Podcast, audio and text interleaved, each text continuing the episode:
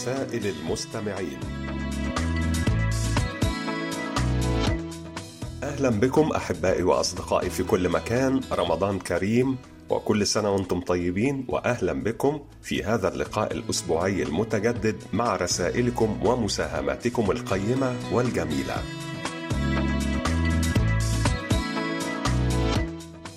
وفي البداية نشكركم أيها الأصدقاء الأعزاء على تعليقاتكم حول الموضوع الذي طرحناه الأسبوع الماضي وهو كيف اختلف شهر رمضان المبارك الآن عن الماضي في بلدانكم؟ وهل لديكم ذكريات جميلة تودون مشاركتها عن شهر رمضان؟ وسوف نستعرض خلال هذه الحلقة بعض الردود التي جاءت إلينا على صفحتنا على فيسبوك.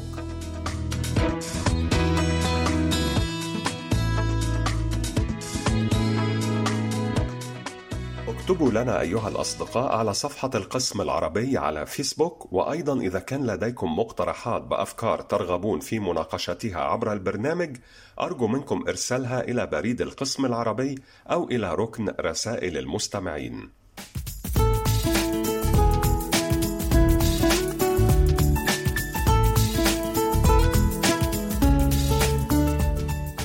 نبدأ في استعراض مساهماتكم الجميلة ومعنا في البداية هذا الدعاء الجميل والقصير من الصديقة المخلصة والراصدة الرسمية أوج شيماء من العاصمة العراقية بغداد وتقول: أسعد الله أوقاتكم وأيامكم بكل خير وبركة. اللهم إني أسألك من فضلك ورحمتك فإنه لا يملكها إلا أنت. اللهم أكثر مالي وولدي وبارك لي فيما أعطيتني اللهم اغفر لي وارحمني واهدني وعافني وارزقني.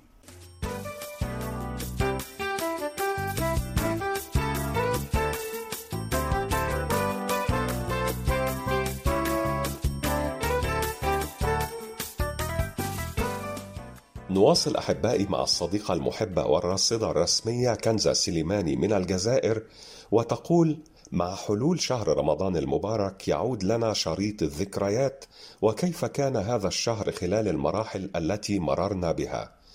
ومن عاداتنا هنا بالجزائر أن الأطفال عندما يصومون لأول مرة فهم يكرمون بحفلة صغيرة أو يكرمون بحفلة صغيرة حيث يرتدون ملابس تقليدية جميلة وتوضع لهم الحناء وأيضا توزع على العائلة والأصدقاء الحلوى تعبيرا عن الفرح والفخر. تلك هي أول خطوة وحكاية مع رمضان الكريم. وفي الحقيقة في تلك الفترة تقول صديقتنا كنزة سليماني كنت أنظر للصيام بطريقة مختلفة فعندما جربته أول مرة كنت في الثامنة من عمري وكانت فرحتي كبيرة خاصة عندما يقترب موعد الإفطار. ليس للأكل بل فرحة تحقيق شيء لا يفعله إلا الكبار. وحتى اليوم الصيام يعطيني فرحة لا توصف وكلما حل شهر رمضان أتذكر تلك الفترة وأشعر بالامتنان وفرحة الصيام تلك لم يتغير منها شيء بل زادت أكثر وكبرت معي.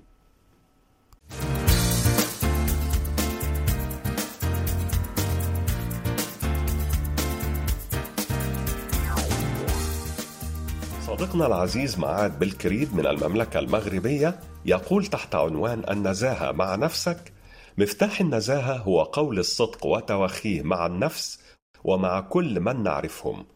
وتحليك بالأمانة مع نفسك يجعلك قادرا على العيش في انسجام مع قيمك الجوهرية ومعتقداتك ويساعدك على التحكم في توجهك. والتوجه يتألف من جزئين هما توجهك تجاه نفسك وتوجهك تجاه الآخرين. وكلما كان توجهك تجاه نفسك ايجابيا صار توجهك تجاه الآخرين أكثر إيجابية حيث يتعلق الجانبان أحدهما بالآخر. فعندما تكون ايجابيا ومتفائلا تكون أكثر انفتاحا في علاقاتك وأكثر قدرة على إظهار الود والتعاطف والانسجام مع الآخرين. وأكثر قدرة على العطاء في جوانب حياتك الاجتماعية والعملية. وسوف ترى انعكاس ذلك بشكل واضح من خلال تفاعل مع من هم حولك.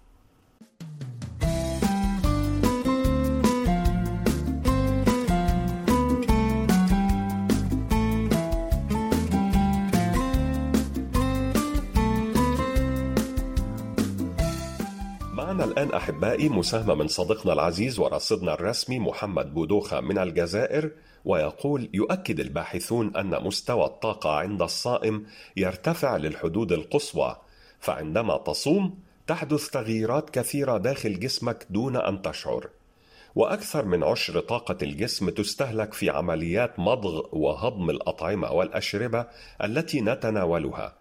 هذه الكمية من الطاقة تزداد مع زيادة الكميات المستهلكة من الطعام والشراب. وفي حالة الصيام يتم توفير هذه الطاقة طبعا ويشعر الإنسان بالارتياح والرشاقة. بينما يتم استخدام هذه الطاقة في عمليات إزالة السموم من الجسم وتطهيره من الفضلات السامة. وللجسم مستويات محددة من الطاقة بشكل دائم. فعندما توفر جزءا كبيرا من الطاقة بسبب الصيام والنقاء والخشوع الذي يخيم عليك بسبب هذا الشهر الفضيل فإن هذا يعني أن الطاقة الفعالة لديك ستكون في قمتها في أثناء الصيام وتستطيع أن تحفظ القرآن مثلا بسهولة أكبر أو أن تترك عادة سيئة.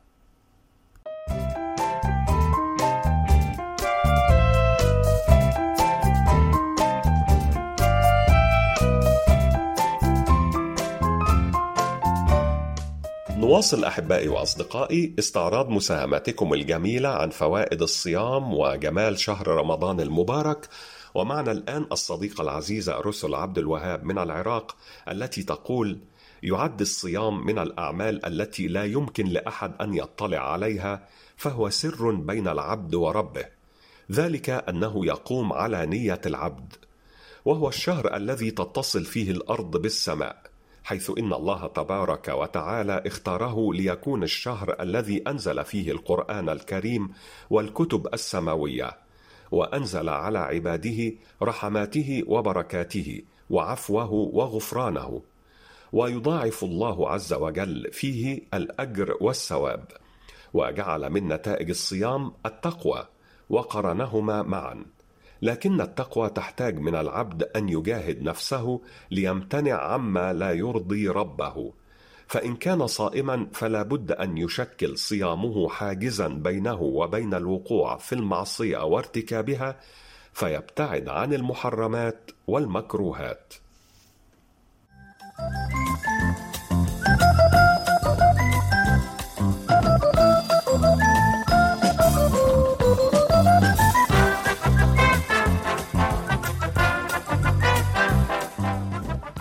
شكرا جزيلا لك يا صديقتنا العزيزة رسل عبد الوهاب من العراق ونهديك ولكل الأصدقاء الأعزاء. هذه الأغنية الكورية اللطيفة بعنوان Life Goes On لفرقة BTS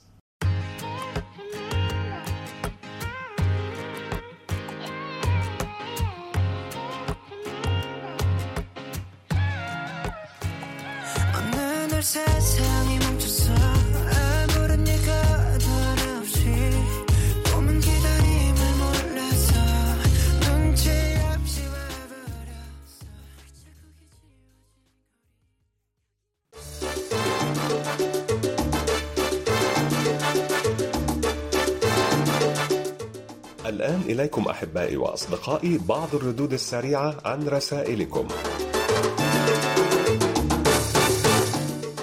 أصدقائي الأعزاء أدعوكم جميعا لإرسال تسجيلاتكم الصوتية التي تحتوي على مساهمات أو كلمات كتبتموها بأنفسكم أو مقترحات أو أفكار تريدون توصيلها عبر البرنامج.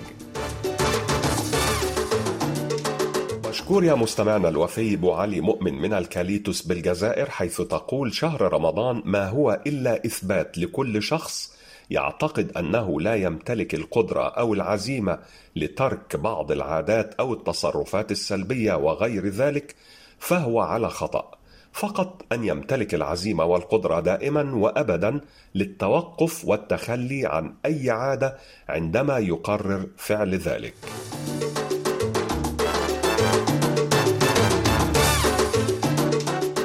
الشكر موصول لصديقنا العزيز عبد الله بوي من السنغال حيث يقول: هل تعلم أن الحرب العالمية الثانية كانت أكثر الحروب تدميرا على مدار التاريخ؟ وأن أول قنبلة ذرية في الحرب العالمية الثانية تم إنشاؤها بواسطة أمريكا وقد تم إسقاط هذه القنبلة على مدينة هيروشيما في اليابان ومشكورة يا صديقتنا المخلصة ربيعة من تلمسان بالجزائر على هذه الكلمات الجميلة لكل شخص وجهة نظر فلا تجعل همك إقناعهم.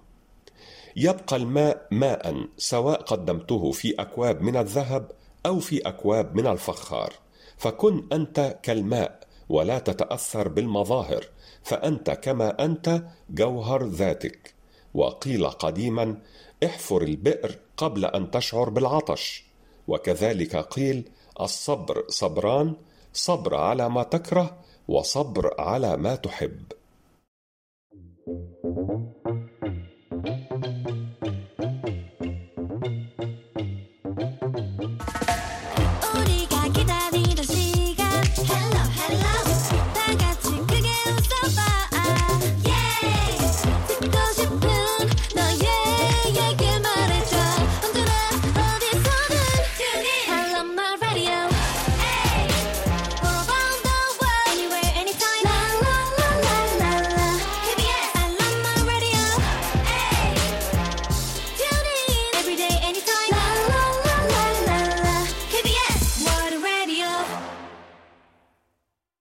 نواصل أحبائي وأصدقائي مع المستمع المخلص جدا ورفيق الدرب المتواصل عبد الرزاق قاسمي.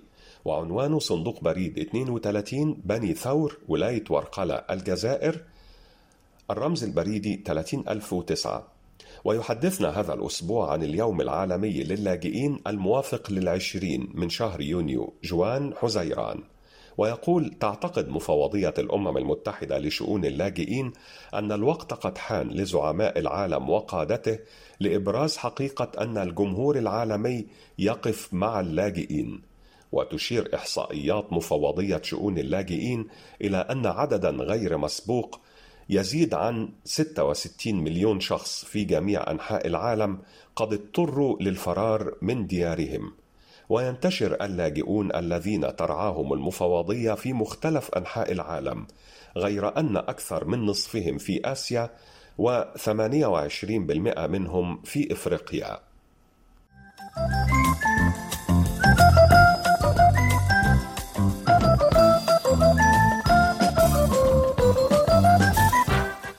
الآن معنا مساهمة أحبائي وأصدقائي من الخل الوفي إدريس بودينا المواطن المغربي المقيم في مدينة بيتسبرغ في الولايات المتحدة الأمريكية ويحدثنا عن شهر رمضان ويقول شهر رمضان هو الشهر التاسع في التقويم الهجري ويأتي بعد شهر شعبان ويعتبر هذا الشهر مميزا عند المسلمين عن باقي شهور السنة الهجرية فهو شهر الصيام الذي يمتنع في أيامه المسلمون عن الشراب والطعام والجماع من الفجر وحتى غروب الشمس. كما أن لشهر رمضان مكانه خاصة في تراث وتاريخ المسلمين لأنهم يؤمنون بأن أول ما نزل من القرآن على النبي محمد صلى الله عليه وسلم كان في ليلة القدر من هذا الشهر. وقد اختلف في اشتقاق كلمة رمضان فقيل إنه من الرمض وهو شدة الحر.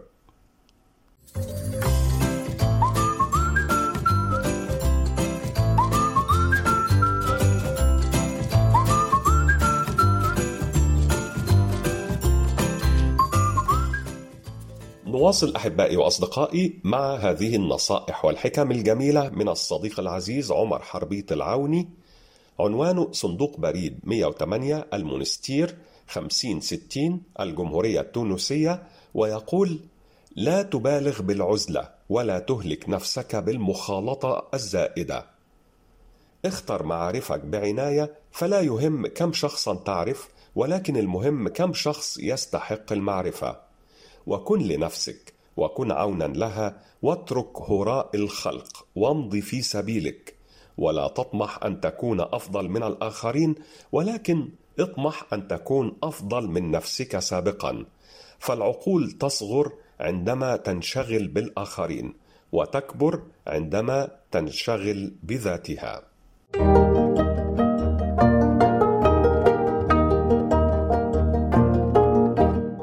عربية الأسبوع.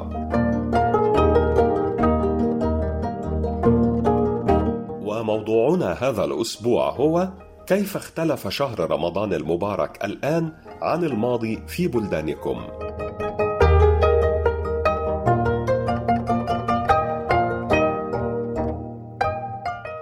الصديق العزيز عبد المحبشي من اليمن يقول: اختلفت أشياء كثيرة، لكن ما زالت هناك لحظات الإفطار تزين المساجد ولها نكهتها الخاصة. ولدي ذكريات جميلة في الماضي خاصة برمضان وهي سماع الإذاعات العربية والعالمية ومنها كي بي اس. الصديق عبد الرحيم آية العواد من المملكة المغربية يقول: سابقا كانت الأجواء أكثر روحانية وصلة الرحم أبرز وأقوى، ولكن في الوقت الراهن تأثرت هذه العلاقات والطقوس التي ارتبطت بالشهر الكريم. الصديقة كنزة السليماني من الجزائر تقول: ما زلت أتذكر عندما كنا أطفالا كيف كنا نعد الأيام قبل وصول شهر رمضان وذلك الفرح الذي لا يغادرنا ابدا. ذكريات صومنا لأول مرة وطبعا الحلوى التي كانت مشهورة ومحببة آنذاك كم كنا سعداء بأبسط الإمكانيات. إلهام تقول تميز شهر رمضان الزمن الجميل بمذاق خاص بطعم روحانيته وطقوسه الرائعة في المجتمع الجزائري فالمساجد اعتادت أن تصدح بالقرآن الكريم قبل الإفطار والتي كانت تعطي الشهر الفضيل طابعا روحانيا مختلفا. أيضا الرائحة الطيبة للمأكولات الرمضانية التي تنبعث من البيوت المتواضعة والتي تعطي شعورا بالطمأنينة والتواضع. أخيرا صديقنا العزيز إدريس بودينا من المغرب يقول أيام الطفولة كنا نصوم أول يوم ليحتفل الحي بأجمعه بنا وكنا ننتقل من منزل لآخر للحصول على إكراميات صومنا الأول في شهر رمضان. وكانت الأبواب تظل مفتوحة وكانت لنا ألعاب خاصة في الأزقة حتى وقت متأخر من الليل.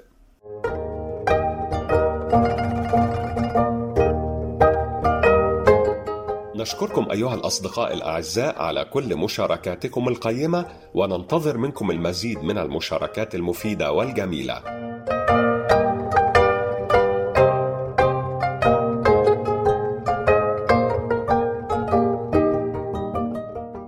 الآن لدينا مساهمة من صديقنا العزيز عبد الإله إزو من الخميسات المملكة المغربية وهذه الكلمات الحكيمة الكثير ممن فشلوا لم يدركوا مدى قربهم من النجاح عندما استسلموا. ينكسر الزجاج فينتهي الصوت بسرعة ولكن تبقى قطع الزجاج تجرح من يلمسها. وكذلك الكلام الجارح ينتهي ويبقى القلب يتألم طويلا. كل شيء تحب أن تحصل عليه يجب عليك أن تدفع ثمنه. والثمن هو دائما العمل والصبر والحب والتضحية في سبيل تحقيقه. عندما تخفق فانهض وانفض الغبار عن نفسك وعد من أجل جولة أخرى ولا تستسلم ابدا. ودرب عقلك على الإيجابية فالفشل يبدأ من الداخل وكذلك النجاح.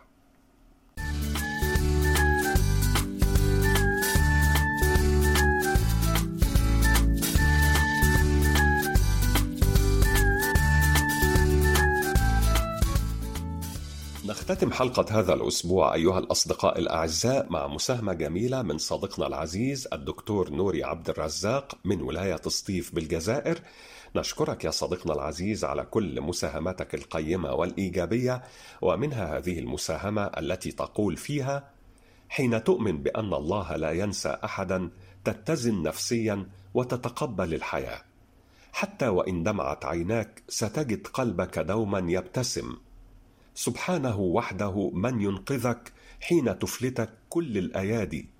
سيعطيك الله أمنياتك ومعها جزاء صبرك ومعها تعويض انتظارك ومعها مكافأة حسن ظنك. أمنياتك ستأتيك مغلفة. فقط اصبر واملأ فؤادك بالأمال. لعل الله يحدث بعد ذلك أمرا. وإن ضاقت بك الأركان يوما فركن الله باق لا يضيق. تأكد أن الإحباط لا يصنع حلا والاكتئاب لا يحل تلك المشكلات والحزن لا يرجع لك فقيدا. فتعلم أن تغرس في قلبك بذرة صبر وتأكد أن الله مع الصابرين.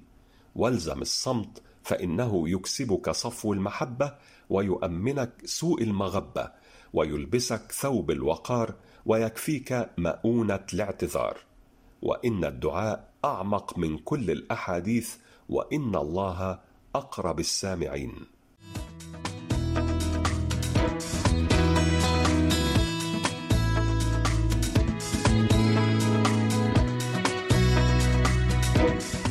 بهذه الكلمات الإيجابية الجميلة نكون قد وصلنا وإياكم أحبائي وأصدقائي إلى ختام حلقة هذا الأسبوع من برنامجكم المحبب رسائل المستمعين. نعدكم أيها الأصدقاء الأعزاء بأن نلتقي بكم في مثل هذا الموعد من الأسبوع القادم إن شاء الله. وحتى ذلك الحين إليكم تحيات مخرجة البرنامج لؤلؤة بيجونغ أوك وقمر كيم ميونغ. وهذه تحياتي يسري صوابي.